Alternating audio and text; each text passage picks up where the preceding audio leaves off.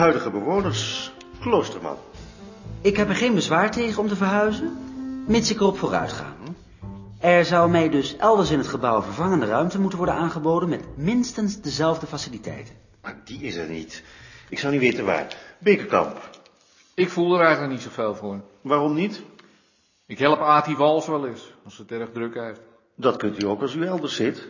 Bovendien zijn er beneden ook wel mensen die u kunt helpen. Maar er is geen plaats. Ja, Gerrit. Gerrit, even, jij zou in de bibliotheek kunnen gaan zitten. Dan kun je meteen ook op de bezoekers houden. Ja zeg, krijg ik er eindelijk wat ruimte bij, dan moet ik het meteen weer afstaan. Ik vind het voorstel niet zo gek.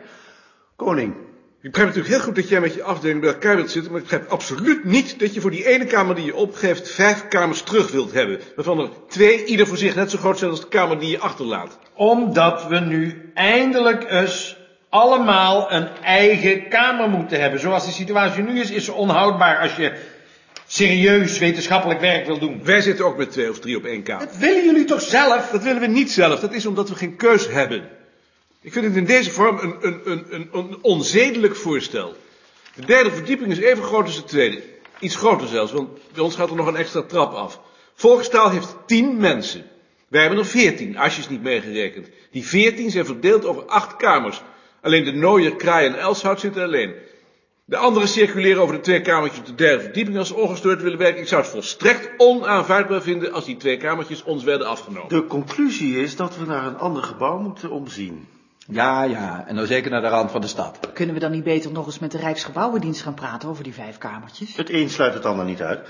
Als het bestuur hier de volgende maand op bezoek komt, zal ik het aankaarten. Nog iets over dit punt?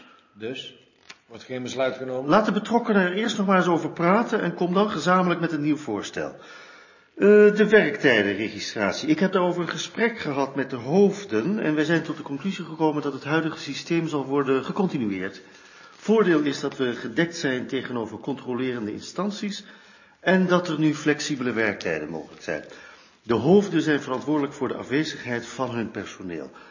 Mevrouw Laurier, Wij zien de noodzaak van zo'n boek nog altijd niet in.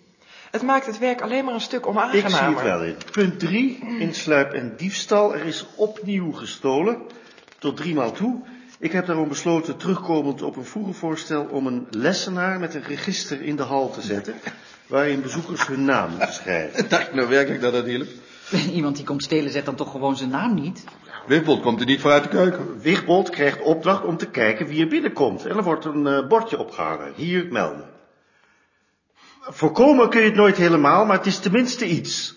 En voor de rest raad ik iedereen aan op zijn spullen te passen. Beter dan tot nu toe. Laatste punt, automatisering. Meneer Ritsen.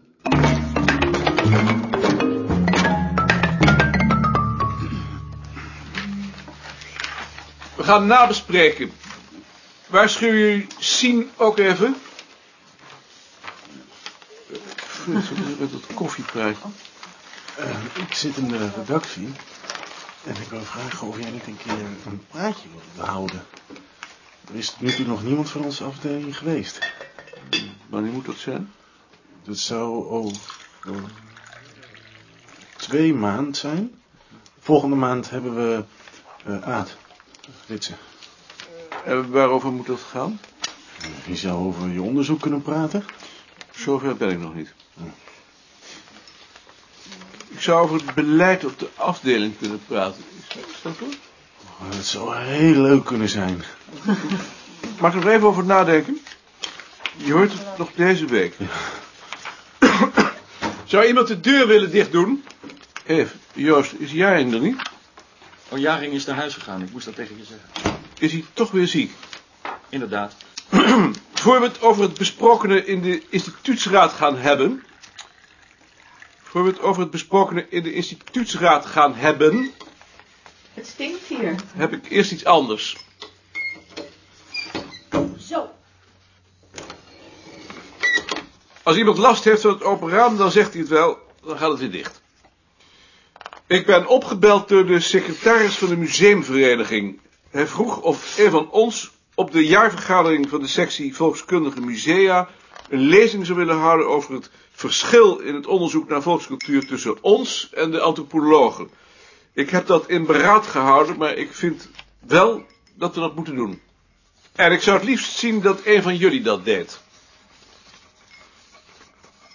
Maar voor we het daarover hebben, zou ik eerst willen horen hoe men over dat verschil denkt, omdat ik de indruk heb dat er op dit punt in de afdeling verschillen van mening bestaan. Dat is ook de reden dat ik Mark heb gevraagd om bij te zijn. Oh, dacht al. Dat begreep ik. Gert, het is jouw terrein. Wat zijn jouw ideeën? Die heb ik niet. Die heb je niet. Dan zou ik daar eerst een studie van moeten maken. Je hebt er in de tijd een artikel over geschreven. Ja, maar dat vond jij geklets. Dus ik onthoud me nu maar van een oordeel. Ik hou niet van geklets. Dat begrijp ik. Maar het moet me van het hart dat ik jouw idee op dit punt wel erg simplistisch vind. Eh, verouderd. Daarom gaf ik jou dan ook het woord. Maar ik zeg echt niets. Jammer. Frits. Ik heb de jaarverslagen van het Volkenkundemuseum in Leiden doorgenomen. En daaruit blijkt dat ze na mm, 1981 wel degelijk oog krijgen voor processen.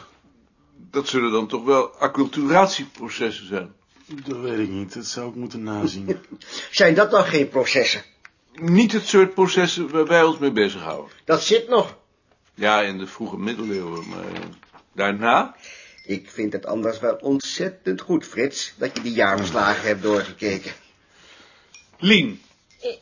Ik, ik weet het niet, maar ik dacht dat het verschil vooral was dat antropologen zich met de machtsverhoudingen tussen groepen bezighouden, eh, terwijl wij het bestaan van groepen afleiden uit verschillen in cultuur. Ja, ja, dat is een ander verschil. Misschien wel een ander verschil, want Gert heeft gelijk als hij bedoelt dat ze minder statisch zijn gaan denken. Bedoel je dat, Gert? Ik weet er echt niets van. Zien? Ik begrijp niet waarom wij op zo'n verzoek moeten ingaan. We hebben toch niets met die musea te maken? Om te beginnen zit ik in de commissie van bijstand van twee musea. Ja, maar wij niet. Ik zit daar als afdelingshoofd. En bovendien gaat het niet aan om met de bezuinigingen voor de deur allemaal in een klein kringetje te blijven ronddraaien. De musea zijn een mogelijkheid om de uitkomsten van ons onderzoek bij een groter publiek te krijgen. Dat is voor die musea van belang en het is ons belang, want we verzekeren ons daarmee van een maatschappelijke functie. Daar ben ik het niet mee eens. Ik zie niet in waarom wetenschap zich zou moeten instellen op een groter publiek. Wetenschap is wetenschap. Ja, wetenschap is wetenschap. Rie. Net als Gert. Hoe doe je net als Gert? Dat ik niks zeg. Ad? ik heb me er eigenlijk nooit zo mee bezig gehouden. Eve? Ik ook niet. Maar ik wil het wel gaan doen als jij dat van belang vindt. Het is van betrekkelijk belang. De kans bestaat natuurlijk altijd nog dat wij straks bij de antropologen worden ingedeeld, al hoop ik dat ik dat dan zal weten te verhinderen. Mogen wij ook weten waarom? Omdat het beunhazen zijn, de enkele goede niet te nagesproken. Eh, is er iemand die zich aanbiedt voor het houden van die lezing? Dat wil ik wel doen. Graag. Dan nu de instituutsraad. Dan kan ik nu zeker wel weggaan. Dank voor je komst en voor je bijdrage aan de discussie. Uh, Rie, gaan wij straks koffie drinken? Ja.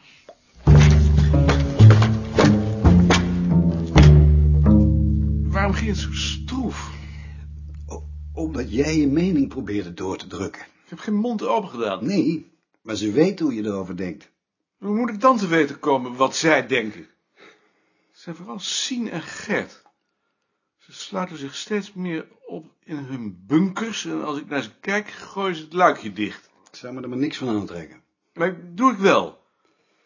Het gevoel dat het tijd wordt dat ik mijn biezen pak, net als Balk. Zullen wij hier ook niet van die kamertjes kunnen maken, zoals Volkstaal die wil? In deze kamer? Ja, waarom niet? Uh, wat wij dan met de boekenkasten doen? Die komen dan gedeeltelijk in die kamertjes. Uh, en met de vergadertafel? Dan maken we de wanden van glas. Denk er niet over. Daarmee wacht je mij tot ik weg ben. Het kan nog zo lang duren. Dat gaat gauwer dan je denkt. NOS Radio, Hilversum 1. Elfstedentocht 85 met Govert van Brakel en Felix Meurders. Je zal de verkeerde kant uitgaan, zeg in de mist. En dan ergens bij, met een helder uitkomen. Goedemorgen allemaal, de NMS Radio. Het is nog vroeg, maar eh, in Friesland zijn ze al hartstikke klaar wakker. Ze kijken helder uit de ogen. Nu gaat het dan gebeuren. De spanning loopt op. U hoort het publiek ook hier. Het is nu precies half zes en het zal elk moment kunnen gebeuren. Daar hoorde u een startschot en de hekken gaan los. Niet te geloven wat een kracht daaruit gaat. Daar gaan de mensen de straat op. Allemaal tegelijk zo'n beetje door die deuren. De hekken die hier de mensen moeten tegenhouden, die staan te buigen. Er staan mensen aan deze kant van de hekken om het allemaal tegen te houden. Met een geweldige uitbarsting van geweld gaan ze de richting van de Zwettehaven. En dat wil zeggen dat de dertiende Elfstedentocht is begonnen. Hé, hey, dag koning. Dag mandjes. Hoe gaat het? Niet zo goed. Eh, je hebt er geen bezwaar tegen dat ik mijn broodje eet? Nee, natuurlijk.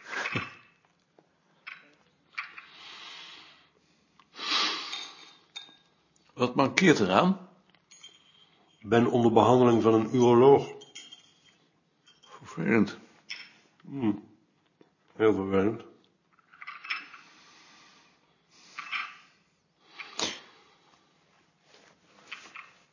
Hoe staat het nu met het jubileumjaarboek van de Boerenhuisclub?